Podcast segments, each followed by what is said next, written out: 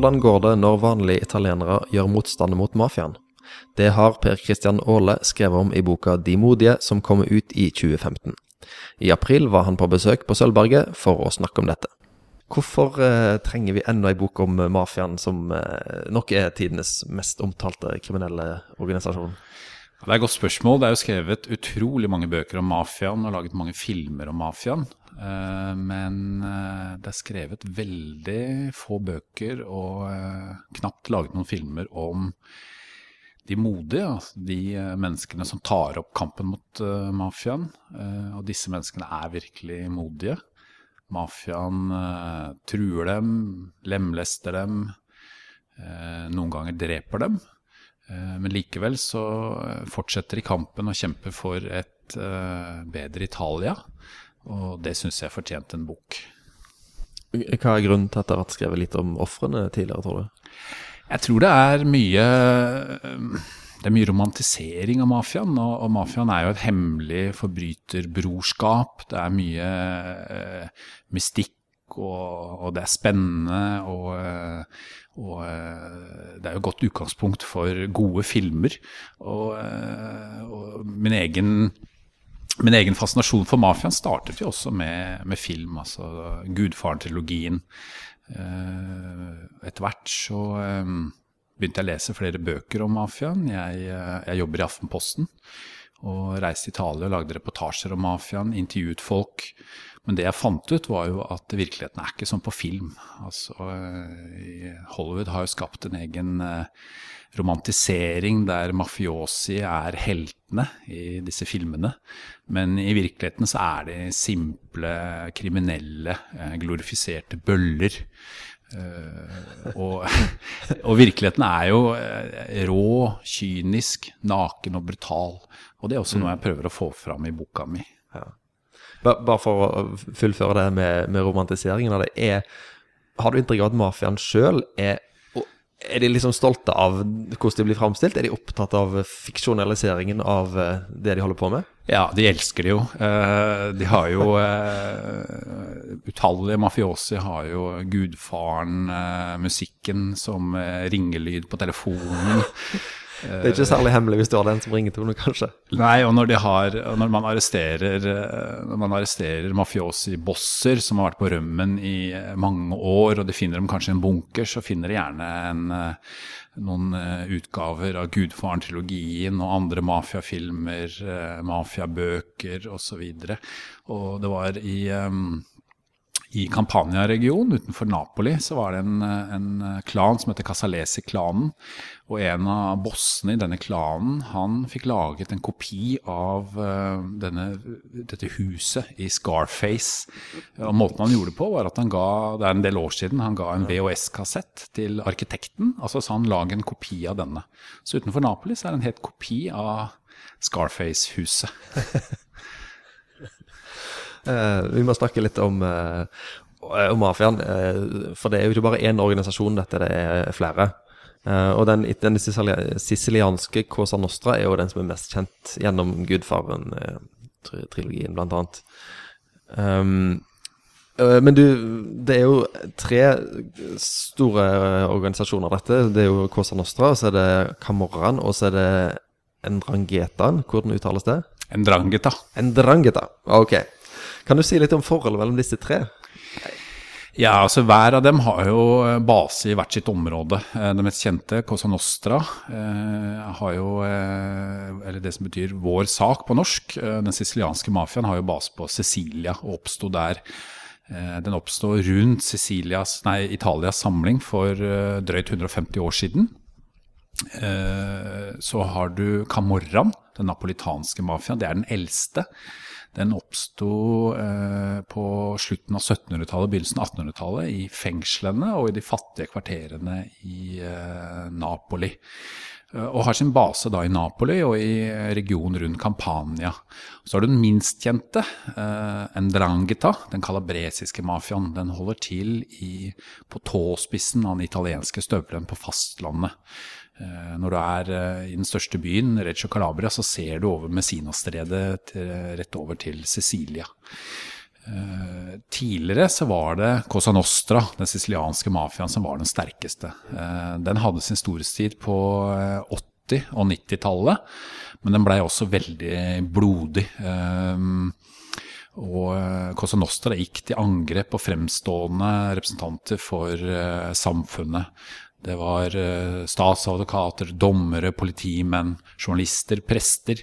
Uh, og denne blodigheten, blodigheten, og denne volden førte til at det italienske samfunnet reagerte, og den italienske staten virkelig begynte å ta opp kampen med mafiaen.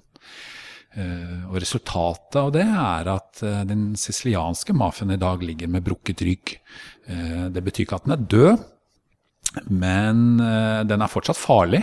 Den eh, dreper, lemlester, truer og presser folk for penger, men den er en skygge av det den var på 80- og 90-tallet. Men i, i, skyggen av denne kampen mellom den italienske staten og uh, den sicilianske mafiaen, så vokste det frem en annen mafia. Og det er den kalabresiske, en drangheta. Mm. Du skriver i boka di om, eh, litt om uh, inntektskildene til disse tre forskjellige. For de driver med litt forskjellige ting, har jeg forstått?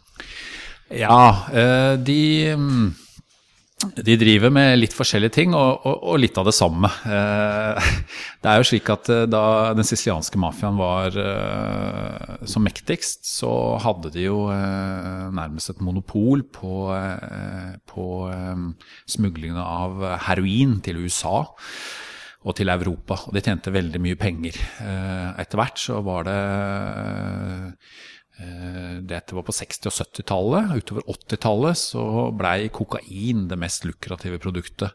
Eh, og da fikk den sicilianske mafiaen monopol på å smugle kokain til Europa.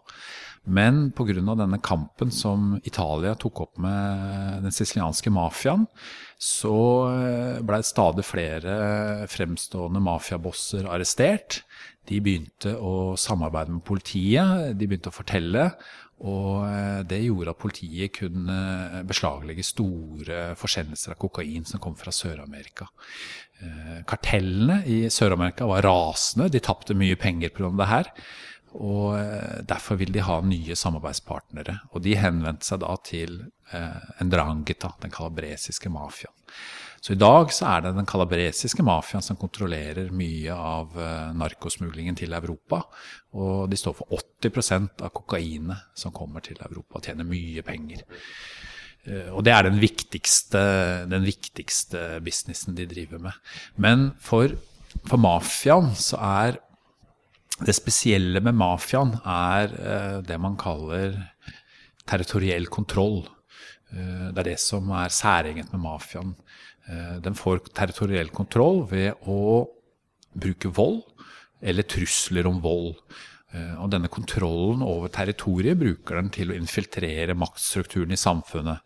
Politikken, byråkratiet, næringslivet.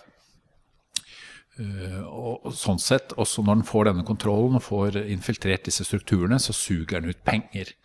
Men, eh, men, denne kontrollen er for å understøtte den viktigste businessen, og det er narkotika. Så uh, alle de tre har narkotika som en viktig del av altså økonomiske grunnlaget sitt? Ja, det vil jeg si. Men etter at uh, Cosa Nostra mistet sitt narkomonopol, så har de ikke kommet skikkelig inn i, i bransjen igjen. Og, det, og de er uh, Og uh, organisasjonen er kraftig redusert. Veldig mange, altså tusenvis av mafiamedlemmer sitter i fengsel. Så det Cosa Nostra hovedsakelig driver med i dag, eller det viktigste, det er blitt beskyttelsespenger. Hvor de, hvor de presser forretningsfolk eh, til å betale beskyttelsespenger.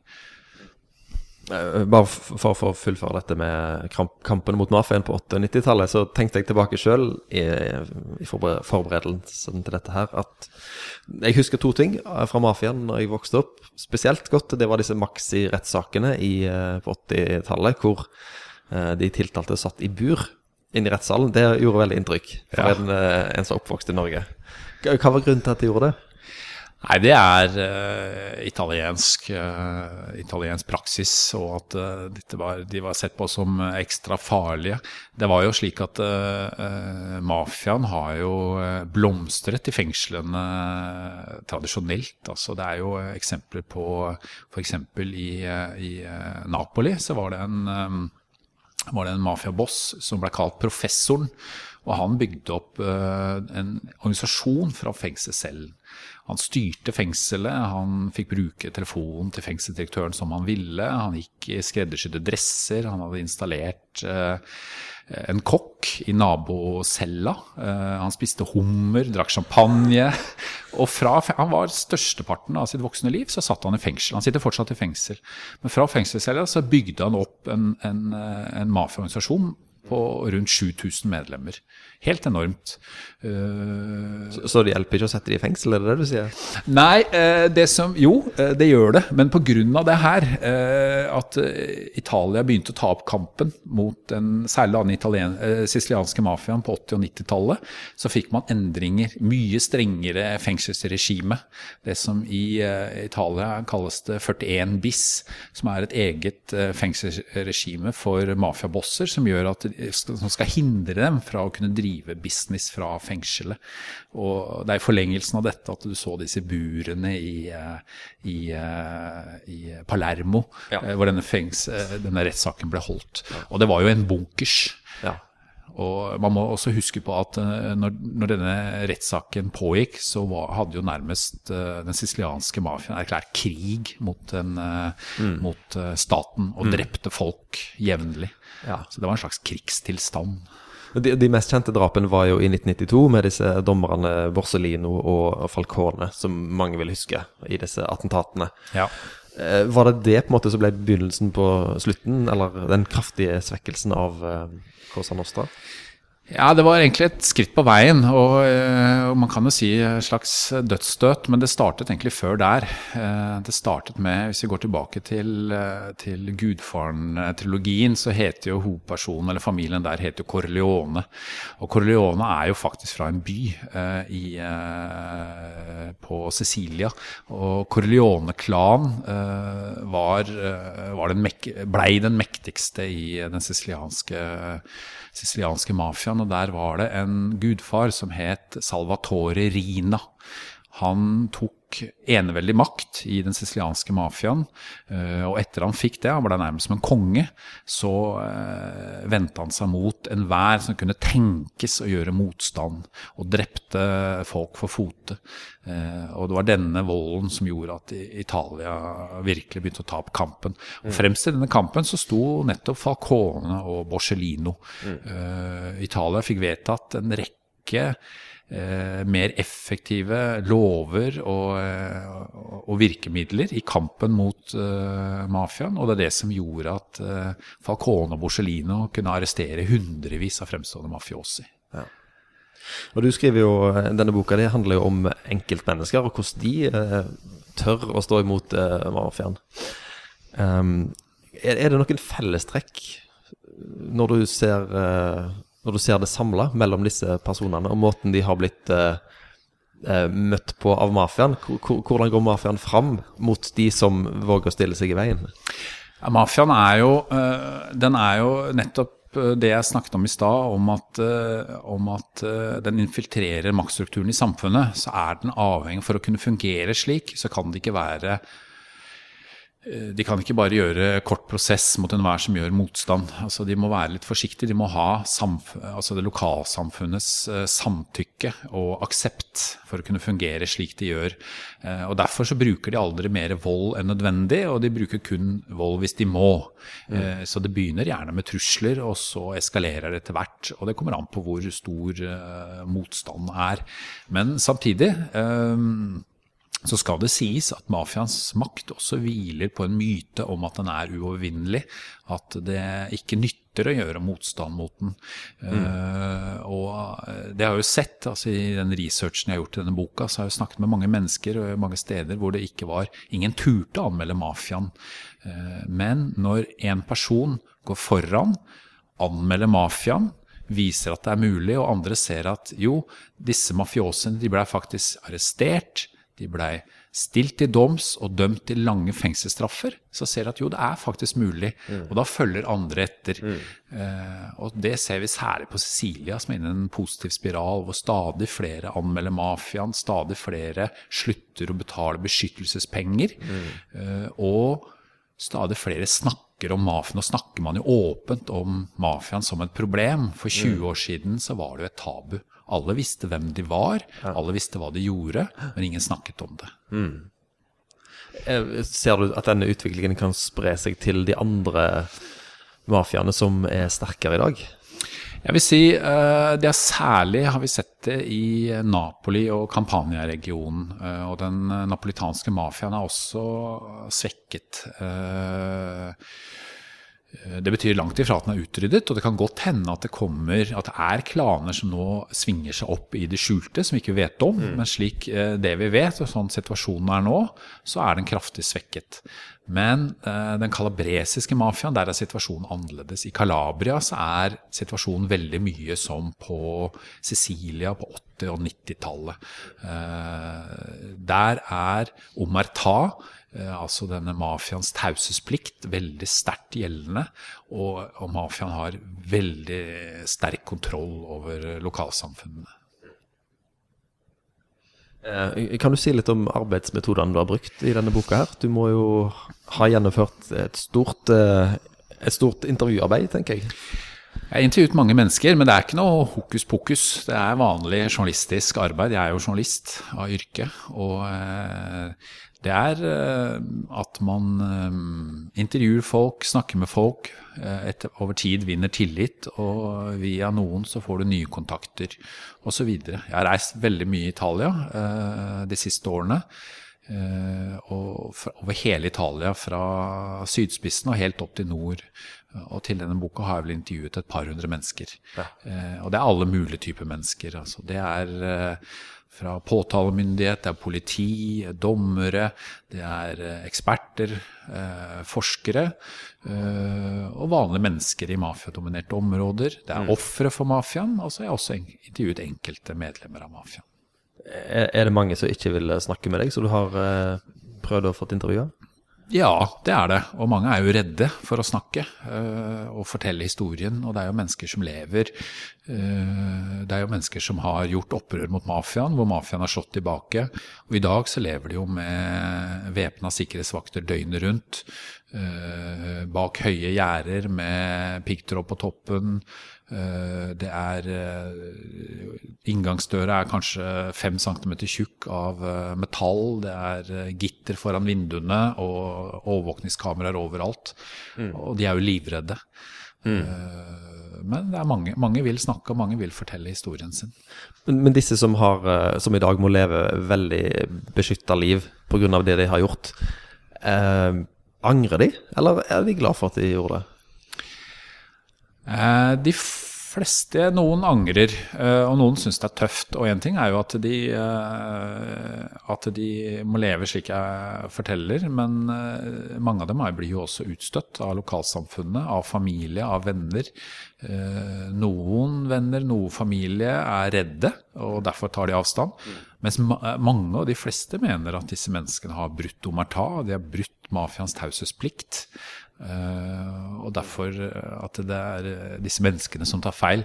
Andre, men de fleste jeg har snakket med, er faktisk glad for at de gjorde det. De sier at jeg har betalt en høy pris, men dette var det eneste riktige å gjøre.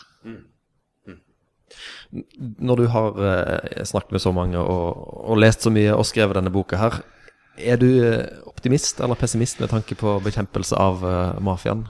Jeg jeg er forsiktig optimist fordi uh, Italia har vist at uh, når uh, det landet virkelig vil, så klarer de å få til mye. Og det har vi sett på Sicilia, hvor mafiaen er kraftig redusert. Vi har sett det i Napoli og Campania, der Camorraen er kraftig svekket. Eh, Riktignok så er den kalabresiske mafiaen veldig sterk, og den har spredt seg. Men, og det, det har skjedd delvis under det offentliges radar. Men de siste årene så har eh, den kalabresiske mafiaen virkelig kommet på kartet, og eh, Italia har begynt å kjempe tilbake. Og det gjør at jeg er forsiktig optimist. Har du planer om å, å reise mer til Italia i nær framtid? Ja, det kommer jeg nok. Det er et fantastisk land, og det, det er viktig å si. Eh, jeg får spørsmål, jeg reiser mye rundt eh, og forteller om denne boka. Og da får jeg ofte spørsmål er det farlig å reise dit. Og det er, har jeg et helt klart svar på, og det er nei. Reis til Italia, det er et fantastisk land. Eh, mafiaen er et grusomt problem, men det er kun én side av samfunnet. Er, de aller fleste mennesker er veldig hyggelige, veldig gjestfri, og det er et land som har veldig mye å tilby av kultur, mat osv. Ja. Da gleder vi oss til at du skal snakke om boka di på Sølvberget senere i dag. Takk skal du ha. Takk for at du kom. Takk.